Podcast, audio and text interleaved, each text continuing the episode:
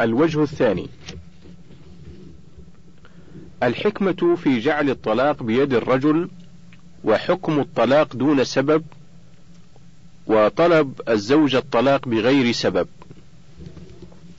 السؤال ما الحكمة في جعل الطلاق بيد الزوج؟ وما الحكم في من طلق زوجته دون سبب؟ وما حكم الزوجة التي تطلب الطلاق بلا, بلا أسباب؟ الجواب أما كون الطلاق بيد الزوج فإنه هو العدل لأن الزوج هو الذي بيده عقدة النكاح فيجب أن يكون هو الذي بيده حل هذه العقدة.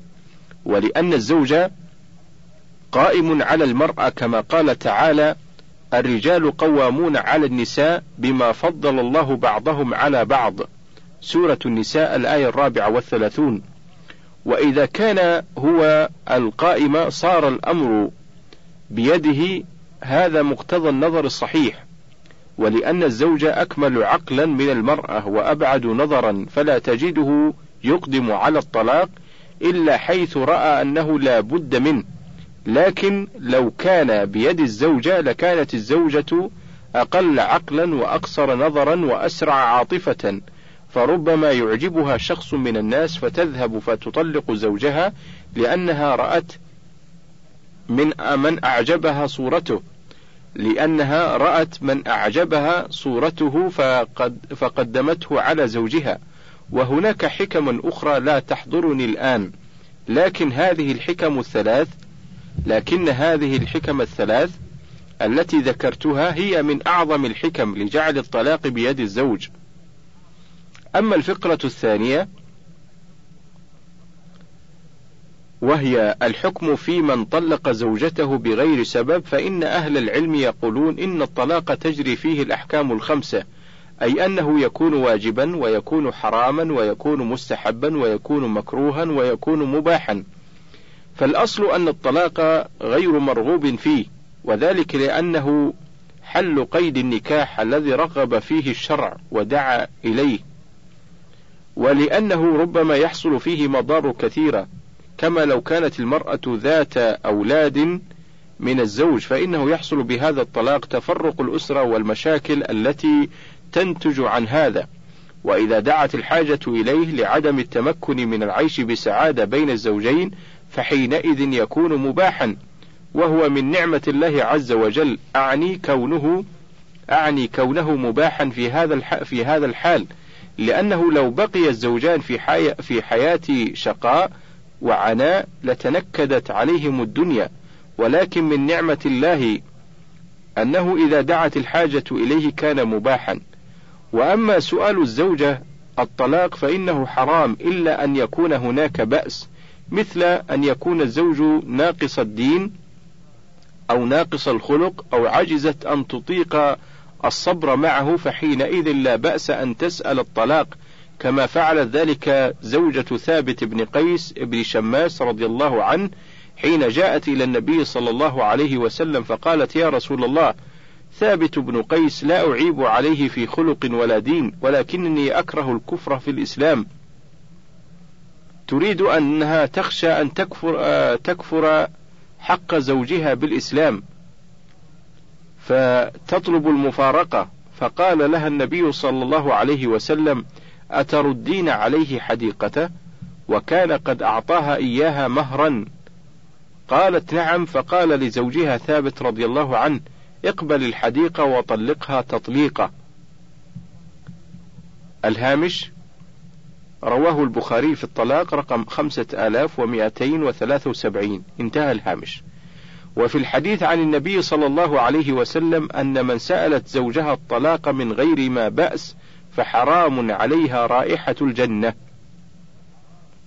الهامش رواه أبو داود في الطلاق رقم 2226 والترمذي في الطلاق رقم 1187 وابن ماجه في الطلاق رقم 2055 وأحمد في الجزء الخامس رقم 277 انتهى الهامش. وهذا الحديث يدل على أن سؤالها الطلاق من غير سبب يقتضيه من كبائر الذنوب.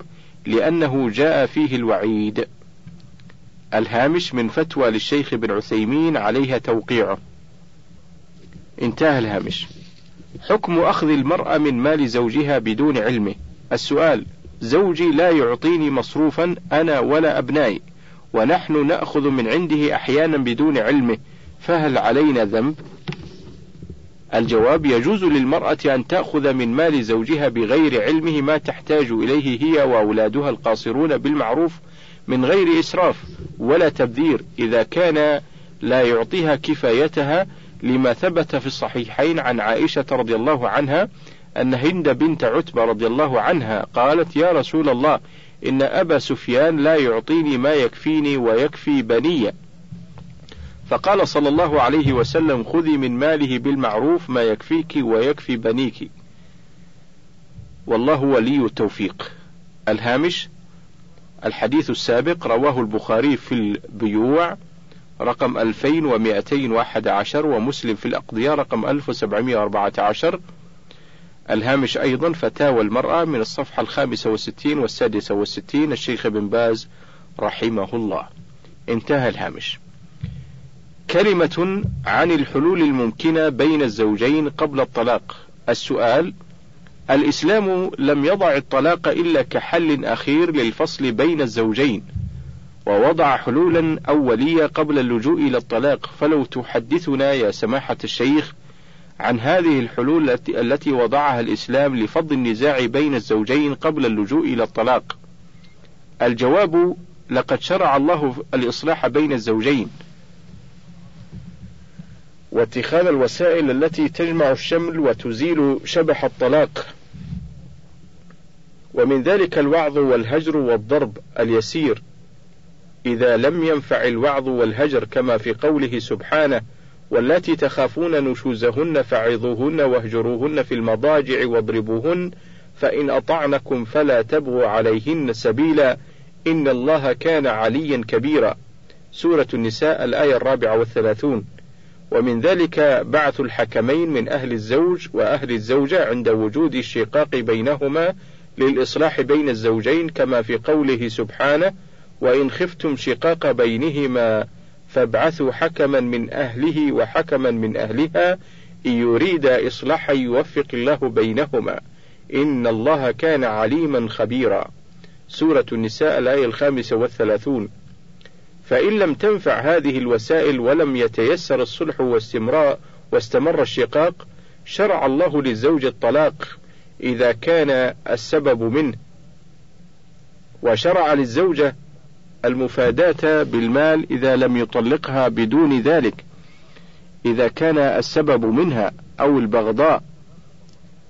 لقوله سبحانه الطلاق مرتان فإمساك بمعروف أو تسريح بإحسان ولا يحل لكم أن تأخذوا مما آتيتموهن شيئا إلا أن يخاف أن يقيم حدود الله فإن خفتم ألا يقيم حدود الله فلا جناح عليهما فيما افتدت به. سورة البقرة الآية التاسعة والعشرون بعد المئتين.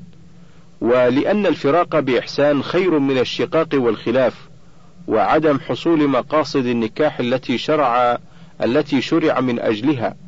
ولهذا قال الله سبحانه وإن يتفرقا يغني الله كل من سعته وكان الله واسعا حكيما. سورة النساء الآية الثلاثون بعد المئة. وصح عن رسول الله صلى الله عليه وسلم أنه أمر ثابت بن قيس الأنصاري رضي الله عنه لما لم تستطع زوجته البقاء معه لعدم محبتها له وسمحت بأن تدفع إليه الحديقة التي أمهرها إياه أن يقبل الحديقة ويطلقها ففعل ذلك. رواه البخاري في صحيحه. والله ولي التوفيق وصلى الله على نبينا محمد وآله وصحبه أجمعين. الهامش مجلة الدعوة العدد رقم 1318 الشيخ بن باز رحمه الله. انتهى الهامش.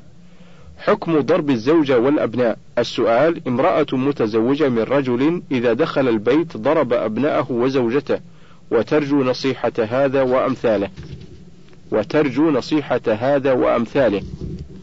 الجواب هذا رجل عاص لأمر الله مخالف لشرعه لأن الله سبحانه أمر الأزواج بالمعاشرة بالمعروف وليس من المعروف أن يدخل الرجل بيته مغضبا ويزجر وينهر ويضرب.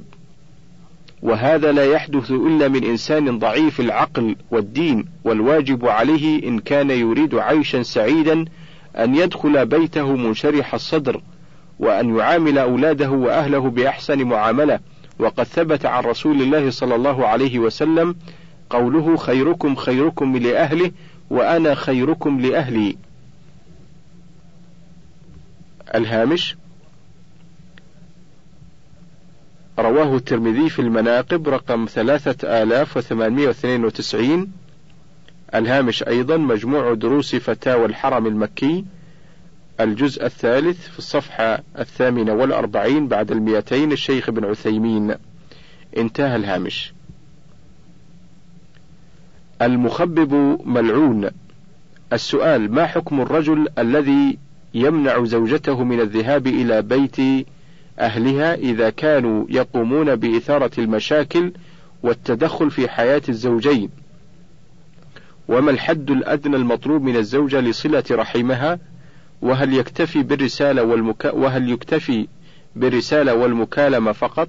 الجواب نعم يحق للرجل أن يمنع زوجته من الذهاب إلى أهلها إذا كان يترتب على ذهابها إليهم مفسدة في دينها أو في حق زوجها. لأن في منعها من الذهاب في هذه الحالة درءا للمفسدة وبإمكان المرأة أن تصل إلى أن تصل أهلها بغير الذهاب إليهم في هذه الحالة بل عن طريق المراسلة أو المكالمة الهاتفية إذا لم يترتب عليها محذورا. إذا لم يترتب عليها محذور لقوله تعالى فاتقوا الله ما استطعتم سورة التغابن الآية السادسة عشرة والله أعلم. وقد جاء الوعيد الشديد في حق من يفسد الزوجة على زوجها ويخببها عليها ويخببها عليه. فقد جاء في الحديث ملعون من خبب امرأة على زوجها. الهامش ورد هذا المعنى عند أحمد في الجزء الثاني رقم 397 وأبي داود في الطلاق رقم 2175 وفي الأدب رقم آه، خمسة آلاف ومائة وسبعين من حديث أبي هريرة وأحمد في الجزء الرابع رقم 298 من حديث بريدة. انتهى الهامش. ومعناه أفسد أخلاقها عليه وتسبب في نشوزها عنه والواجب على أهل الزوجة أن يحرصوا على صلاح ما بينها وبين زوجها لأن ذلك من مصلحتها ومصلحتهم. الهامش كتاب الدعوة رقم سبعة الشيخ الفوزان في الصفحة السادسة والخمسين بعد المئة. انتهى الهامش. الزواج من الأغار من الأقارب. السؤال تقدم لي أحد الأقارب لكنني سمعت أن الزواج من الأباعد أفضل من حيث مستقبل الأطفال وغير ذلك فما رأيكم في ذلك؟ الجواب هذه القاعدة ذكرها بعض أهل العلم وأشار إلى ما ذكرت من آه، أن للوراثة وأشار إلى ما ذكرت من, ألو... آه، من أن للوراثة تأثيرا ولا ريب أن للوراثة تأثيرا في خلق الإنسان وفي خلقته. ولهذا جاء رجل إلى النبي صلى الله عليه وسلم فقال يا رسول الله إن امرأتي ولدت غلاما أسود يعرض بهذه المرأة كيف يكون يعرض بهذه المرأة كيف يكون الولد أسود وأبواه كل منهما أبيض. فقال له الرسول عليه الصلاة والسلام هل لك من إبل؟ قال نعم. قال فما ألوانها؟ قال حمر. قال هل فيها من أورق؟ قال نعم. قال فأنى لها ذلك؟ قال لعلها. قال لعله نزعها عرق. فقال النبي عليه الصلاة والسلام ابنك هذا لعله نزعه عرق. الهامش رواه البخاري في الطلاق رقم خمسة آلاف وثلاثمائة وخمسة ومسلم في اللعان رقم ألف وخمسمائة. انتهى الهامش. فدل هذا على أن للوراثة تأثيرا ولا ريب في هذا ولكن النبي عليه السلام قال تنكح المرأة لأربع لمالها وحسبها وجمالها ودينها فاظفر بذات الدين تربت يداك. الهامش رواه البخاري في النكاح رقم خمسة آلاف وتسعين ومسلم في الرضاعة رقم ألف وأربعمائة وستة وستين. انتهى الهامش. فالمرجع في خطبة المرأة إلى الدين فكلما كانت أدين وكلما كانت أجمل فإنه فإنها أولى سواء أكانت قريبة أم بعيدة. وذلك لأن الملتزمة بدينها تحفظه في ماله وفي ولده وفي بيته. والجميلة تسد حاجته وتغض بصره ولا يلتفت معها إلى أحد والله أعلم. الهامش كتاب الدعوة رقم خمسة الشيخ ابن عثيمين الجزء الثاني رقم ثلاثة وثمانين وأربعة وثمانين. انتهى الهامش. الهدية في في ذكرى الزواج. السؤال هل يجوز للزوج أن يهدي لزوجته هدية في ذكرى يوم زواجهما في كل سنة تجديدا للمودة والمحبة بينهما؟ علما بأن الذكرى ستقتصر فقط على الهدية ولن يقيم الزوجان احتفالا بهذه المناسبة. الجواب الذي أرى سد هذا الباب لأنها ستكون هذا العام هدية وفي العام الثاني قد تكون احتفالا. ثم إن مجرد اعتياد هذه المناسبة بهذه الهدية يعتبر عيدا لأن العيد كلما تكرر ويعود لأن العيد كل ما, ما يتكرر ويعود والمودة لا ينبغي أن تجدد كل عام بل ينبغي أن تكون متجددة كل وقت كلما رأت المرأة من زوجها ما يسرها وكلما رأى الرجل من زوجته ما يسره فإنها سوف تتجدد المودة والمحبة. الهامش المصدر نفسه الجزء الثاني رقم 92 انتهى الهامش. السؤال. معاملة الزوجة الناشز. أرجو إعطاء بعض التفاصيل لما يجب على الزوج عمله من دعوة وإرشاد لمن يرى أن زوجته تحمل الصفات التي وردت في حديث الرسول صلى الله عليه وسلم يا معشر النساء تصدقن فإن كن أكثر أهل النار. إلى آخر الحديث جزاكم الله خيرا. الحديث السابق رواه البخاري في الإيمان رقم 304 ومسلم في الإيمان رقم 80 انتهى الهامش. الجواب الطريقة التي يتخذها الزوج لمعالجة نشوز زوجته أن يعظها ويذكرها بحقوق الزوج ويبين لها الإثم إذا خالفت هذه الحقوق ويبين لها أنها إذا وفت بهذه الحقوق كان ذلك بابا للسعادة الزوجية بينهما مع الأجر الكثير ال- الذي يحصل لها. أما قيام الزوج بما يلزمه لزوجته فالواجب المعاشرة بالمعروف لقوله تعالى وعاشرهن بالمعروف سورة النساء الآية التاسعة عشرة.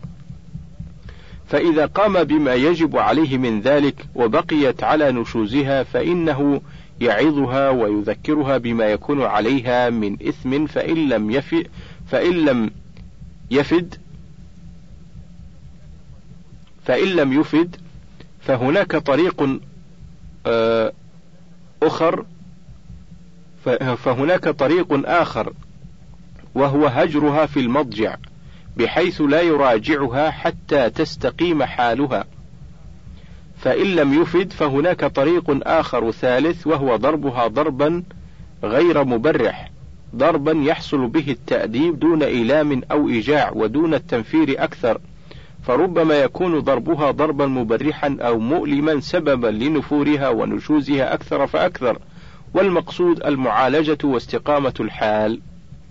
الهامش كتاب الدعوة رقم خمسة ابن عثيمين الجزء الثاني رقم 94 و 95 انتهى الهامش كراهية البنات من أمر الجاهلية. السؤال: في هذا الزمان سمعنا من بعض الناس أشياء تثير الجدل والغرابة، ومن هذه الأشياء أن أناسا يقولون: لا نحب أن تأتي زوجاتنا لا نحب أن تأتي زوجاتنا ببنات، وبعضهم يقول لامرأته: والله لو أتيت ببنت فإني أطلقك نبرأ إلى الله من هؤلاء. وترى بعض النساء في هلع شديد من أمرها وكيف وماذا تصنع بما يقوله زوجها فهل لفضيلتكم من توجيه حول هذا؟ الجواب: أعتقد أن هذا الذي قاله الأخ نادر جدا جدا، ولا أظن أحدا يصل به الجهل إلى هذه الحال بحيث يهدد زوجته بالطلاق إذا ولدت بنتا. اللهم إلا أن يكون قد مل من زوجته ويريد أن يطلقها فجعل هذا وسيلة إلى طلاقها.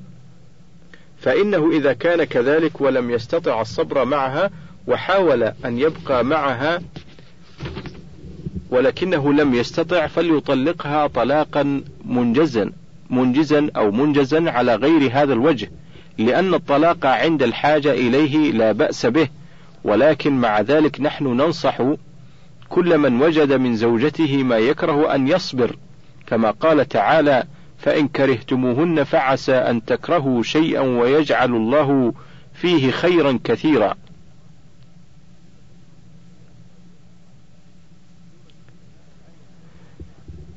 سورة النساء الآية التاسعة عشرة. وأما كراهة البنات فلا شك أنه من أمر الجاهلية وأن فيه نوعا من التسخط من قضاء الله وقدره. والإنسان لا يدري فلعل البنت خير له من أولاد ذكور كثيرين. وكم من بنت صارت بركة على أبيها في حياته ومماته. وكم من ابن صار نقمة ومحنة على أبيه في حياته ولم ينفعه بعد مماته. الهامش كتاب الدعوة رقم خمسة الشيخ ابن عثيمين الجزء الثامن رقم 152 و 153 انتهى الهامش. في العشرة بين الزوجين الحالة النفسية تجيز الامتناع. السؤال هل يقع على المرأة إثم إن امتنعت عن زوجها حين يطلبها بسبب حالة نفسية عابرة تمر بها أو لمرض ألم بها؟ الجواب يجب على المرأة أن تجيب زوجها أن تجيب زوجها إذا دعاها إلى فراشه، ولكن إذا كانت مريضة بمرض عضوي لا تتمكن من مقابلة الزوج معه أو مريضة بمرض نفسي فإن الزوج في هذه الحال لا يحل له أن يطلب ذلك لقول النبي صلى الله عليه وسلم لا ضرر ولا ضرار. الهامش هذا الحديث رواه مالك في الموطأ في الأقضية آه، في الصفحة رقم 745 مرسلة وقال النووي في الأربعين له طرق يقوي بعضها بعضا. انتهى الهامش. وعليه أن يتوقف وأن يستمتع بها على وجه لا يؤدي لا يؤدي إلى ضرر. الهامش فتاوى المرأة الشيخ ابن عثيمين الصفحة رقم 60 انتهى الهامش. مكالمة الخطيب عبر الهاتف. السؤال مكالمة الخطيب لخطيبته عبر الهاتف. هل هي جائزة شرعا أم لا؟ الجواب مكالمة الخطيب عبر الهاتف لا بأس به. إذا كان بعد الاستجابة له وكان الكلام من أجل المفاهمة وبقدر الحاجة وليس فيه فتنة. وكون ذلك عن طريق وليها أتم وأبعد عن الريبة وكون ذلك عن طريق وليها أتم وأبعد عن الريبة أما المكالمات التي تجري التي تجري بين الرجال والنساء وبين الشباب والشابات وهم لم تجري بينهم خطبة وإنما من, وإنما من أجل التعارف كما يسمونه فهذا منكر ومحرم ومدعاة إلى الفتنة والوقوع في الفاحشة. يقول الله تعالى: فلا تخضعن بالقول فيطمع الذي في قلبه مرض وقلن قولا معروفا. سورة الأحزاب الآية الثانية والثلاثون. فالمرأة لا تكلم الرجل الأجنبي إلا لحاجة وبكلام معروف لا فتنة فيه ولا ريبة. وقد نص العلماء على أن المرأة المحرمة تلبي ولا ترفع صوتها. وفي الحديث إذا أنابكم شيء في صلاتكم فليسبح الرجال ولتصفق النساء.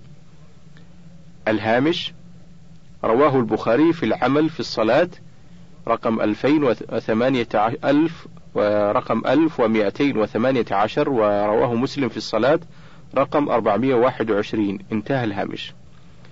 مما يدل على أن المرأة لا تسمع لا تسمع صوتها الرجال إلا في الأحوال التي تحتاج فيها إلى مخاطبتهم مع الحياء والحشمة. والله أعلم.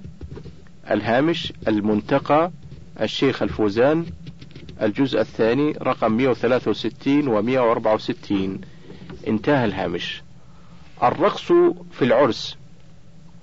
السؤال ما حكم رقص النساء فيما بينهن في العرس وغيره؟ أفتونا أثابك الله. الجواب لا بأس برقص النساء بمناسبة الزواج وضربهن بالدف مع شيء من الغناء النزيه لأن هذا من إعلان الزواج المأمور به شرعا لكن بشرط أن يكون ذلك في محيط النساء فقط وبصوت لا يرتفع ويتجاوز مكانهن وبشرط التستر الكامل بحيث لا يبدو شيء من عورة المرأة في حالة الرقص كسيقانها وذراعيها وعضديها وإنما يبدو منها ما جرت عادة المرأة المسلمة بكشفه في حضرة النساء. الهامش المنتقى الشيخ الفوزان الجزء الثاني رقم 171 و 172 انتهى الهامش. فتوى جديدة في رقص النساء في العرس. الهامش جريدة المسلمون العدد رقم 651 الشيخ ابن عثيمين. انتهى الهامش. السؤال هل يجوز للنساء أن يرقصن في حفلات الزفاف لا سيما أنهن أمام النساء فقط؟ الجواب الرقص مكروه وكنت في أول الأمر أتساهل فيه ولكن سئلت عدة أسئلة عن حوادث تقع في حال رقص المرأة فرأيت المنع منه. لأن بعض الفتيات تكون رشيقة وجميلة وخفيفة ورقصها يفتن النساء. بها حتى إنه بلغني أن بعض النساء إذا حصل مثل هذا تقوم تقبل المرأة التي ترقص وربما تضمها إلى صدرها ويحصل في هذا فتنة ظاهرة. انتهى. طفل الأنابيب السؤال ما حكم طفل الأنابيب؟ الجواب قد أفتى العلماء في هذه الرئاسة بمنعه. الهامش المقصود رئاسة إدارات البحوث العلمية والإفتاء والدعوة والإرشاد بالمملكة العربية السعودية. انتهى الهامش. قد أفتى العلماء في هذه الرئاسة بمنعه لما فيه من كشف العورة ولمس الفرج والعبث بالرحم ولو كان مني الرجل الذي هو زوج المرأة فأرى أن على الإنسان الرضا بحكم الله تعالى فهو يجعل من يشاء عقيما سورة الشورى الآية الخمسون. الهامش اللؤلؤ المكين من فتاوى بن جبرين الصفحة رقم 56 انتهى الهامش. القسمة بين الزوجات. السؤال هل يجوز للرجل الذي لديه زوجتان أن يقسم لكل زوجة أسبوعا بدلا من يوم فكل زوجة لها أسبوع يجلس عندها ثم الأسبوع الآخر عند الأخرى وهكذا. الجواب يجوز ذلك فإن القصد التسوية بينهن في القسم أو في القسم الذي هو المبيت والمؤانسة. فإذا رضينا بهذا القسم الطويل جاز ذلك. كما ثبت أنه صلى الله عليه وسلم لما تزوج بأم سلمة مكث عندها ثلاثا ثم قال إنه ليس بك هوان على أهلك وإن شئت سبعت لك وإن سبعت لك سبعت لنسائي. والله أعلم. الهامش رواه مسلم في الرضاع رقم 1460 وأحمد رقم 292 في الجزء السادس وأبو داود رقم 2122 وابن ماجة رقم 1917 الهامش أيضا اللؤلؤ المكين من فتاوى ابن جبرين الصفحة رقم 262 انتهى الهامش. السؤال أنا رجل خطبت فتاة ملتزمة فهل لي أن أراسلها للاستفسار عن الأمور المتعلقة بالعبادات عامة وبالعلم الشرعي خاصة للاستفادة من هذه الفترة؟ الجواب أرى أن ذلك جائز ولو لم يحصل عقد النكاح بشرط أن تكون قد وثقت بأنها ستقبل النكاح ولا ترده وبشرط أن تكون محتويات المخاطبات الهاتفية أو الرسائل معاني شريفة رفيعة وبشرط أن تكون محتويات المخاطبات الهاتفية أو الرسائل معاني شريفة ورفيعة لا تشتمل على غرام وحب وكلام سافل وأن تحرص على احتواء تلك الرسائل من الإرشادات على الإرشادات وأن تحرص على احتواء تلك الرسائل على الإرشادات والتعاليم الشرعية والفوائد العلمية. ولا بأس باحتوائها على شيء مما يتعلق بالحياة الزوجية كالأمتعة والمساكن والمطالب ونحوها والله أعلم. لا حرج في زواج المسيار بشروطه الشرعية. السؤال: قرأت في إحدى الجرائد تحقيقا عما يسمى زواج المسيار، وهذا الزواج هو أن يتزوج الإنسان ثانية أو ثالثة أو رابعة، وهذه الزوجة تكون عند وهذه الزوجة يكون عندها ظروف تجبرها على البقاء عند والديها أو أحدهما في بيتهما فيذهب إليها زوجها في أوقات مختلفة تخضع لظروف كل لظروف كل منهما. فما حكم الشريعة الغراء في مثل هذا الزواج؟ أفتون مأجورين. الجواب لا حرج في ذلك إذا استوفى العقد الشروط المعتبرة شرعا وهي وجود الولي ورضا الزوجين وحضور شاهدين عدلين على إجراء العقد وسلامة الزوجية من الموانع وسلامة الزوجية من الموانع لعموم قول النبي صلى الله عليه وسلم إن إن أحق الشروط أن يوفى به ما استحللتم به الفروج. الهامش متفق على صحته رواه البخاري في النكاح رقم خمسة آلاف ومائة واحد وخمسين ومسلم في النكاح رقم ألف أربعمائة وثمانية عشر انتهى الهامش. ولقوله صلى الله عليه وسلم المسلمون على شروطهم.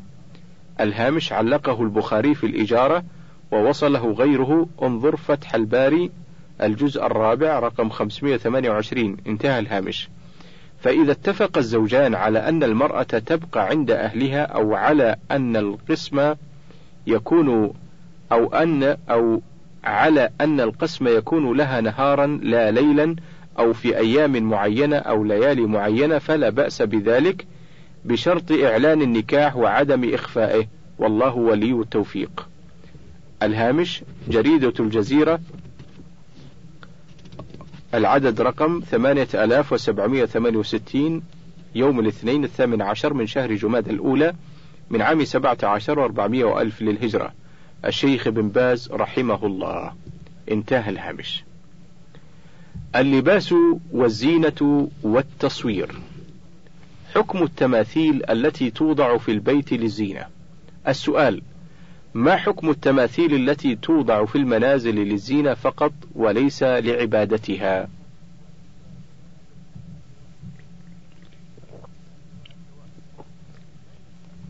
الجواب لا يجوز تعليق التصاوير ولا الحيوانات المحنطة في المنازل ولا في المكاتب ولا في المجالس.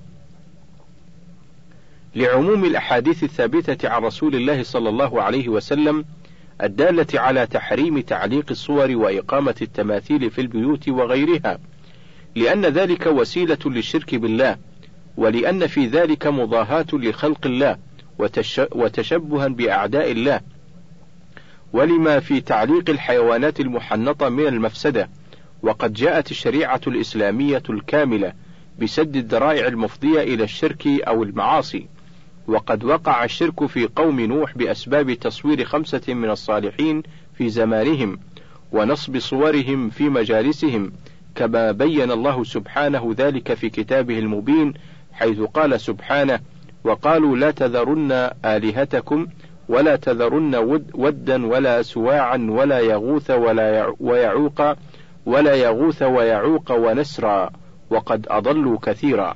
سورة سورة نوح الآيتان الثالثة والعشرون والرابعة والعشرون. الآية فوجب الحذر من مشابهة هؤلاء في عملهم المنكر الذي وقع بسببه الشرك. وقد صح عن رسول الله صلى الله عليه وسلم أنه قال لعلي بن أبي طالب رضي الله عنه لا تدع صورة إلا طمستها ولا قبرا مشرفا إلا سويته أخرجه مسلم في صحيحه. الهامش رواه مسلم في الجنائز رقم 969 انتهى الهامش.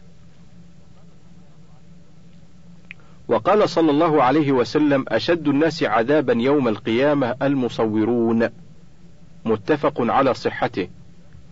الهامش رواه البخاري في اللباس رقم خمسة آلاف وتسعمائة وخمسين ومسلم في اللباس رقم ألفين ومائة وتسعة. انتهى الهامش. والأحاديث في ذلك كثيرة والله ولي التوفيق.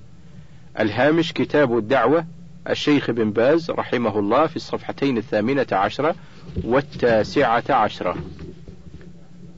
انتهى الهامش. حكم تعليق الصور. السؤال ما حكم تعليق الصور في المنازل وفي غيرها؟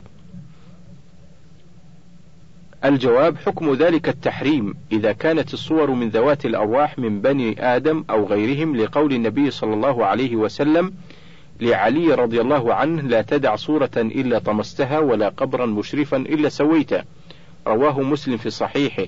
ولما ثبت عن عائشة رضي الله عنها أنها قالت علقت على سهوة لنا سترا فيه تصاوير فلما رآه النبي صلى الله عليه وسلم هتكه وتغير وجهه صلى الله عليه وسلم وقال يا عائشة إن أصحاب هذه الصور يعذبون يوم القيامة ويقال ويقال لهم أحيوا ما خلقت ما خلقتم أخرجه مسلم وغيره. الهامش رواه البخاري في التوحيد رقم سبعة آلاف وخمسمائة وسبعة وخمسين ومسلم في اللباس رقم ستة وتسعين وألفين ومائة وسبعة. انتهى الهامش. لكن إذا كانت الصورة في بساط يمتهن أو وسادة يرتفق بها فلا حرج في ذلك لما ثبت عن النبي صلى الله عليه وسلم أنه كان على موعد من جبريل. أنه كان على موعد من جبرائيل فلما جاء جبرائيل امتنع عن دخول البيت فسأله النبي صلى الله عليه وسلم فقال إن في البيت تمثالا وسترا فيه تصاوير فيه تصاوير وكلب.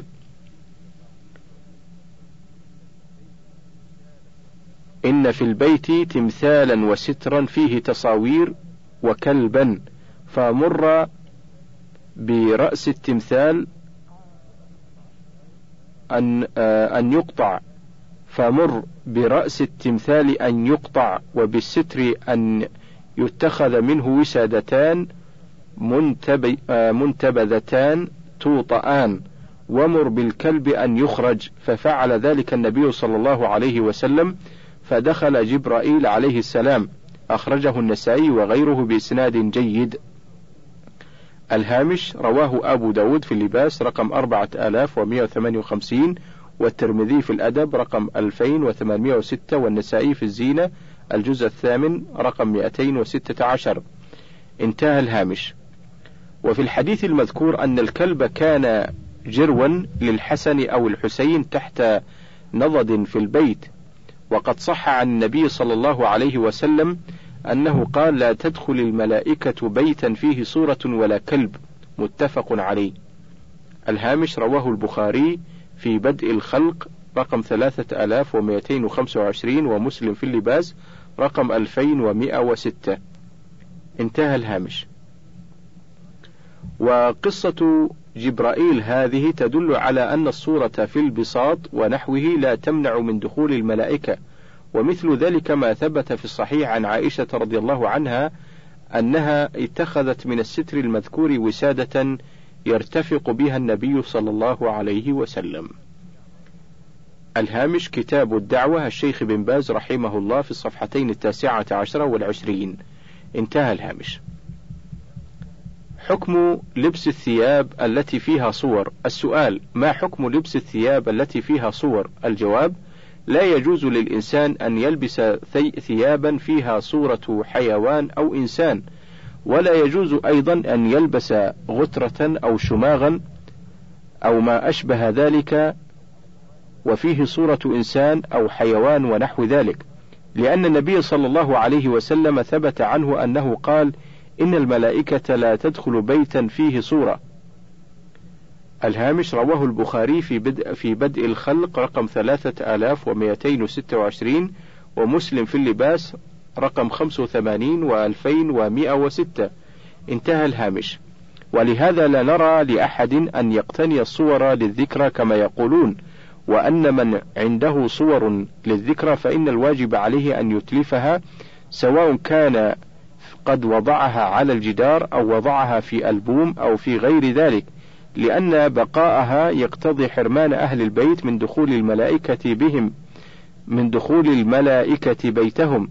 وهذا الحديث الذي أشرت إليه قد صح عن النبي صلى الله عليه وسلم والله أعلم. الهامش المجموع الثمين الشيخ بن عثيمين الجزء الأول في الصفحة رقم 199 انتهى الهامش. حكم الصور والتماثيل؟ السؤال ما حكم رسم ذوات الأرواح؟ وهل هو داخل في عموم الحديث القدسي؟ ومن أظلم ممن ذهب يخلق كخلقي فليخلقوا ذرة أو ليخلقوا حبة أو ليخلقوا شعيرة. الهامش رواه البخاري في التوحيد رقم سبعة آلاف وخمسمائة وتسعة وخمسين ومسلم في اللباس رقم ألفين ومائة واحد عشر. انتهى الهامش. الجواب نعم ها هو داخل في هذا الحديث لكن الخلق خلقان. خلق جسمي وصفي وهذا في الصور المجسمة. وخلق وصفي لا جسمي وهذا في الصور المرسومة. وكلاهما يدخل في الحديث المتقدم فإن خلق الصفة كخلق الجسم. وإن كان الجسم أعظم لأنه جمع بين الأمرين الخلق الجسمي والخلق الوصفي ويدل على ذلك أي العموم وأن التصوير محرم باليد سواء كان تجسيما أم كان تلوينا. عموم لعن النبي صلى الله عليه وسلم للمصورين يدل على أنه لا فرق بين الصور المجسمة والملونة التي لا يحصل التصوير فيها إلا بالتلوين فقط، ثم إن هذا هو الأحوط والأولى بالمؤمن أن يكون بعيدا عن الشبه، ولكن قد يقول قائل: أليس الأحوط في اتباع ما دل عليه النص لا في اتباع الأشد؟ فنقول صحيح إن الأحوط اتباع ما دل عليه النص لا اتباع الأشد لكن إذا وجد لفظ عام يمكن أن يتناول هذا وهذا فالأحوط الأخذ بعمومه وهذا ينطبق تماما على حديث التصوير. فلا يجوز للإنسان أن يرسم صورة ما فيه صورة ما فيه روح من إنسان وغيره لأنه داخل في لعن المصورين. والله الموفق. الهامش المجموع الثمين الجزء الأول الصفحة رقم 200 الشيخ ابن عثيمين. انتهى الهامش. وبهذا ينتهي الشريط الخامس عشر وننتقل إلى الشريط السادس عشر.